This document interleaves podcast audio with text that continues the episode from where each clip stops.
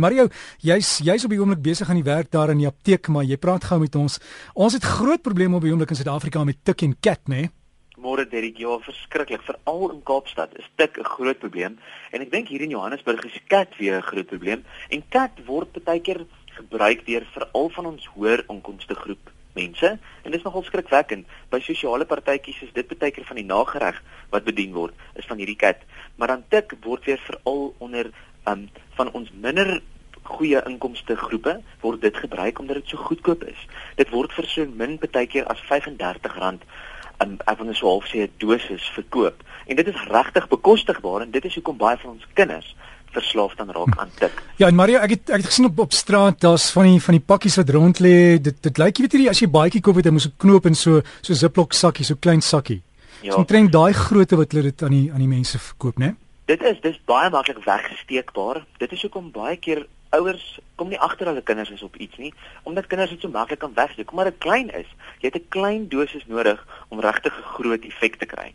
En dit is die skrikwekkend hiervan is dat hierdie goed gebeur onder ons neuse en ons besef dit nie altyd nie. Ons besef nie dat dit vriende is wat dit gebruik nie. Ons besef nie dat dit oppassers van ons kinders deur die dag is wat dit gebruik nie. Dit kan regtig enige iemand wees en die verslawing hiervan is so vinnig dat dit gebeur letterlik binne 'n week is hierdie persoon absoluut verslaaf hieraan en dit begin hulle lewe vernietig. Nie net hulle lewe nie, maar ook die lewe van die mense om hulle. Maar jy, ek weet jy jy moes op 'n kom as jy praktiese ondervinding kry en jy moes die strate gaan stap en jy was so in die weste van Kreersdorp betrokke. Daar was ook groot probleme, né? Kreersdorp is 'n groot kopseer en dit is so jammer en is so hartseer. En die groot probleem oor Kreersdorp is dit is juis omdat van hierdie middels so goedkoop is. Die sleg hiervan is en ek praat dit nie goed nie. Mense kry nie goeie en slegte dwelms nie, maar van die dwelms wat in plekke soos Kreeusdorp gemaak word, mag baie keer dit in garages gemaak word en motorhuise en in kombuise. En dan beteken dit hulle vermeng van hierdie middels ook met goed soos rotgif of batterysuur en dan raak hierdie middels dodelik. En van ons mense spuit dit in, dit veroorsaak dadelike kardiale arrest. Hierdie mens kan op die oomblik dood neerslaan van 'n middel wat nie skoon genoeg is nie. Nou sê ek weer, ek praat nie dwelm gebruik goed nie, maar van hierdie dwelms is absoluut vrot met die bestanddele wat daar binne is en dit is ons grootste gevaar is. Hierdie goed is nie suiwer nie. Ek dink as van hierdie goed suiwer was, het ons baie minder neeweffekte gekry. Maar van hierdie dwelms wat op straat verkoop word is vuil. Dit word met die vuilste goed gemaak in die vuilste omstandighede en met aaklige aaklige bestanddele, rotgif, batterysuur, dinge om mure mee skoon te maak, asetoon. Ek het ook navorsing gedoen het oor vandag se praatjie eintlik koud geword om te sien wat van hierdie dwelmhandelaars in hierdie goed sit om 'n beter effek te kry of potensie van hierdie ding te verhoog of om sommer dit net op te balk, laat dit na meer lyk. So die dwelmhandelaar sit minder van die aktiewe bestanddeel in, maar hy maak dit meer deur allerlei klomp gemors daarin te sit. En dit is van hierdie gemors wat dan ons kinders en ons huisgesinne en ons familielede vernietig en doodmaak. Mm, en Mario, ek het ook op my Facebook het ek 'n foto gesit van fotos van mense. Weet as die polisie hulle in die in die straat kry, die eerste keer dat hulle kry en dan so 6 of 7 maande later en hoe hulle lyk. En dit skrikwekkend mense wat wat goed soos kat gebruik en dit snuif. Uh, hoe hulle gesigte verander. Ja, kat baie dik eintlik veral. Dit is die ding wat mense die meeste verander. Jy kry hulle praat van 'n dis nou Engels, maar hulle praat van 'n meth mouth. En meth bestaan dan net dit kom van die aktiewe bestanddeel van waaruit dit bestaan. En 'n meth mouth beteken dat hulle tandvleise vrot en dan val hulle tande uit deur so iets so sag soos 'n toebroodjie te eet kan daai sagte toebroodjie veroorsaak dat hulle tande uitval en dit is waar hierdie mouth vandaan kom. So jy kry dadelik hierdie wanvorming of misvorming van hulle monde, van hulle tandvleise en dan hulle gesigte. Dit is baie interessant. Raak misvormd. Hulle kry 'n aardige veluitslag en omdat hulle dan eintlik op hierdie middel is, of hulle is hoog op 'n middel of hulle gaan in hierdie depressie en omdat hulle afklim van hierdie middel af, maar hulle verwaarloos hulle buite voorkoms en hulle persoonlike higiëne. En dit is nog 'n ding van 'n tik gebruiker en baie van ons dwelm verbruikers het hierdie verwaarlosing van hulle identiteit en van hulle higiëne en jy kan sommer dit amper ryk aan hulle dat hulle chemies ryk, hulle asems ryk chemies en hulle begin hierdie walglike voorkoms kry en dit is so hartseer want partykeer is hierdie wanvorming vir die misvorming van hulle gesigte is onomkeerbaar. Jy kry dit nie weer terug dat daardie mens weer normaal is nie. So vernietig hierdie ding ons lewe, ons harte, ons liggame. Ja, dit doen en ons moet regtig hierna uitkyk. Sjoe Mario, jy praat 'n skoon bang, maar dis die realiteit en jy het nou gepraat van van die goed wat mense se tande laat uitval soos iemand dan kla uh van heeltyd hulle hulle gums seer of hulle tande seer dan is dit 'n teken hè?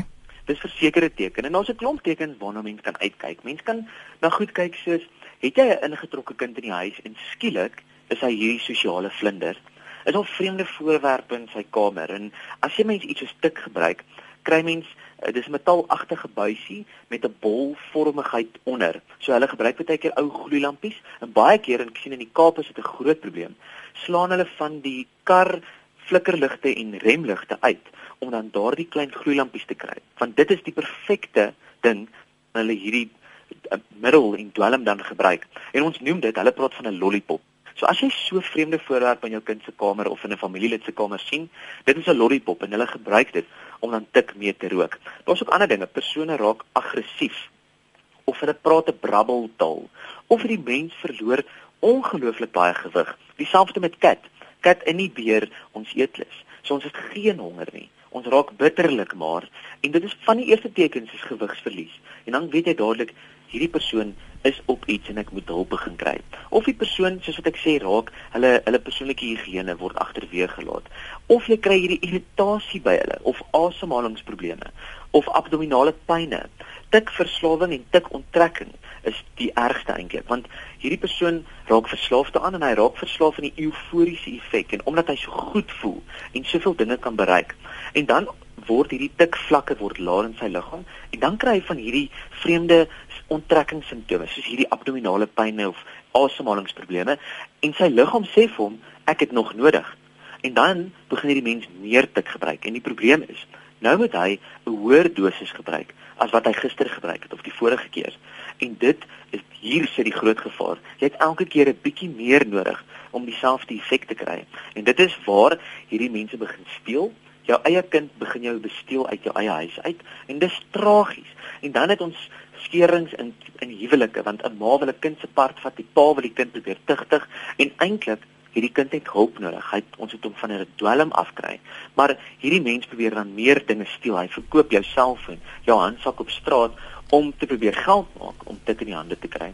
So Derek, dis regtig, dis grillerig as ek dit amper so kan sê en dit is hartseer. Ek sien baie gevalle in die apteek waar van hierdie mense inkom en hartverskeurende is oor hulle kind. Ja, en Mario, ek het 'n bietjie gaan lees oor goed so skat. Ek weet uh, van die goed daar is die mense sodra hulle dit gebruik, hulle hulle breek kontak met bekende mense wat hulle ken, familie, vriende en selfs goed soos hulle sal nooit hulle Facebook vir weke gebruik nie, dan weet jy, dis 'n teken. En selfone is is is geld vir hulle want hulle verkoop dit heeltyd, né? Verkoop dit absoluut. En hoekom probeer hulle wegkom van die mense wat hulle ken? Want die mense wat hulle ken, ken hulle so goed dat as daar hierdie afwyking in hulle gedrag is, dan kom ons dit dadelik agter en dan weet ons maar hier is iets aan die broei. En as jy iets vreemds in jou huis optel, as jy 'n dag of 2 of 3 voor die tyd begin dinge raak sien wat buite jou kind se gedrag is of jou familielid se gedrag is, dis 'n rooi lig. Dis absoluut 'n ding om te sê, spreek daai mens aan en hoor wat aangaan. Probeer hulle agtervolg, kyk wie's hulle vriende. Kyk of daar iets is wat jy kan agterkom. Ryk aan hulle klere, ryk aan hulle asems. Probeer jou eie klein inspekteur wees in jou huis en kyk of daar so iets is en jy sal dadelik agterkom. My kind is nie die kind wat ek ken nie. Hier's probleme en dan moet ons gaan wegmaak of van. Maria, ons kan nog daar hieroor gesels groot probleme in Suid-Afrika. Mense wat jy wil kontak of dalk raad nodig het, gaan jy dit weer op jou Facebook plaas? Ek gaan dit op my Facebookblad plaas, maar ek wil ook 'n webwerfadres nou gee. En dit is die Noupoort Christen Sentrum en hierdie ouens is fantasties met dwelmverslawing en alkoholisme ook dan nou. En op Noupoort se webwerf is daar 'n hele kategorie van al die middels wat op die mark beskikbaar is, hoe dit lyk en wat die simptome is. As jy oningelig is oor dwelms, gaan besoek www.noupoort.co.za maar ek gaan dit ook op my Facebookblad sit. So as jy dit verloor het, kan jy met liefde gaan kyk op my Facebookblad. Soek maar net vir apteker op Facebook Mario Botha apteker en jy gaan my met liefde kry. En Mario, ek sal vir daai foto ook stuur dat jy hom kan plaas van die mense voor en tydens die dwelm gebruik dat mens bietjie kan skrik. Asseblief Derek, dankie daarvoor. So gesels ons dan met Mario Botha ons apteker hier op Breakfast met Derek. Die gesprek sal ook as 'n pot gooi die komende week beskikbaar wees. Gaan soek hom op Facebook, hy gaan die inligting daar plaas. Is Mario Botha apteker. Soek daai drie woorde as een of saam, dan behoort jy hom te kry en like en dan kan jy die inligting gaan kry en sjoe, moeilike ene.